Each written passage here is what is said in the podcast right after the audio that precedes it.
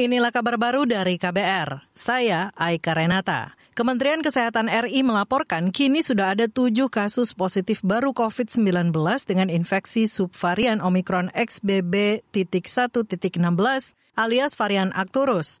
Juru bicara Kementerian Kesehatan Muhammad Syahril mengatakan varian ini juga memicu lonjakan kasus COVID-19 di sejumlah negara, salah satunya India semuanya dari Jakarta, tapi sebetulnya domisilinya yang kedua dari di Brebes, Jawa Tengah ya. Semuanya sudah sembuh. Nah ini ada tambahan lima, dua dari Surabaya, yang ketiganya ada di di Jakarta. Dan alhamdulillah semuanya memang dalam keadaan gejala yang ringan gitu ya. Juru bicara Kementerian Kesehatan Muhammad Syahril menambahkan varian Arcturus telah menyebabkan lonjakan kasus COVID-19 di 29 negara di dunia.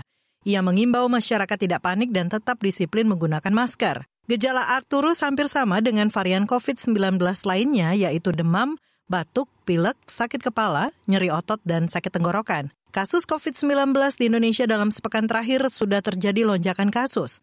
Bahkan di tanggal 14 April lalu, kasus konfirmasi harian menembus angka 1.000 orang.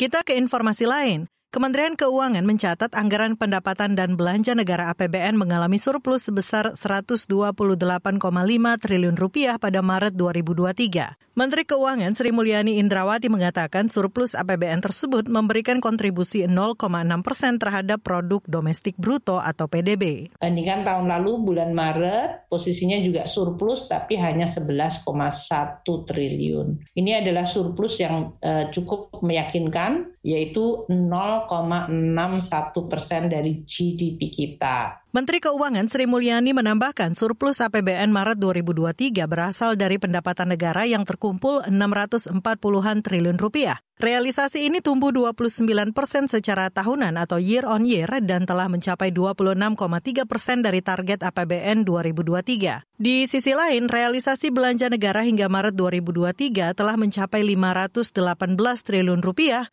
atau mencapai 16,9 persen dari target belanja APBN. Sri Mulyani menyebut momentum pertumbuhan ekonomi harus dijaga demi terciptanya transformasi perekonomian yang lebih baik.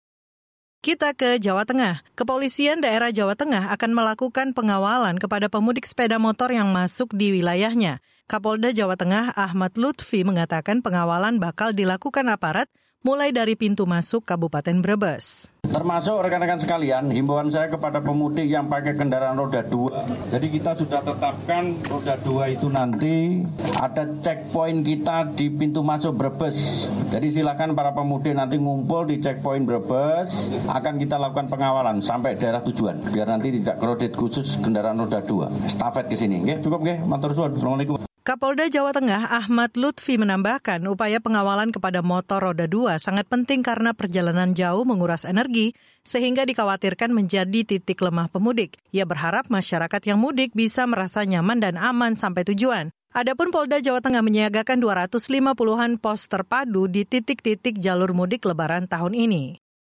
Demikian kabar baru dari KBR. Saya Aika Renata.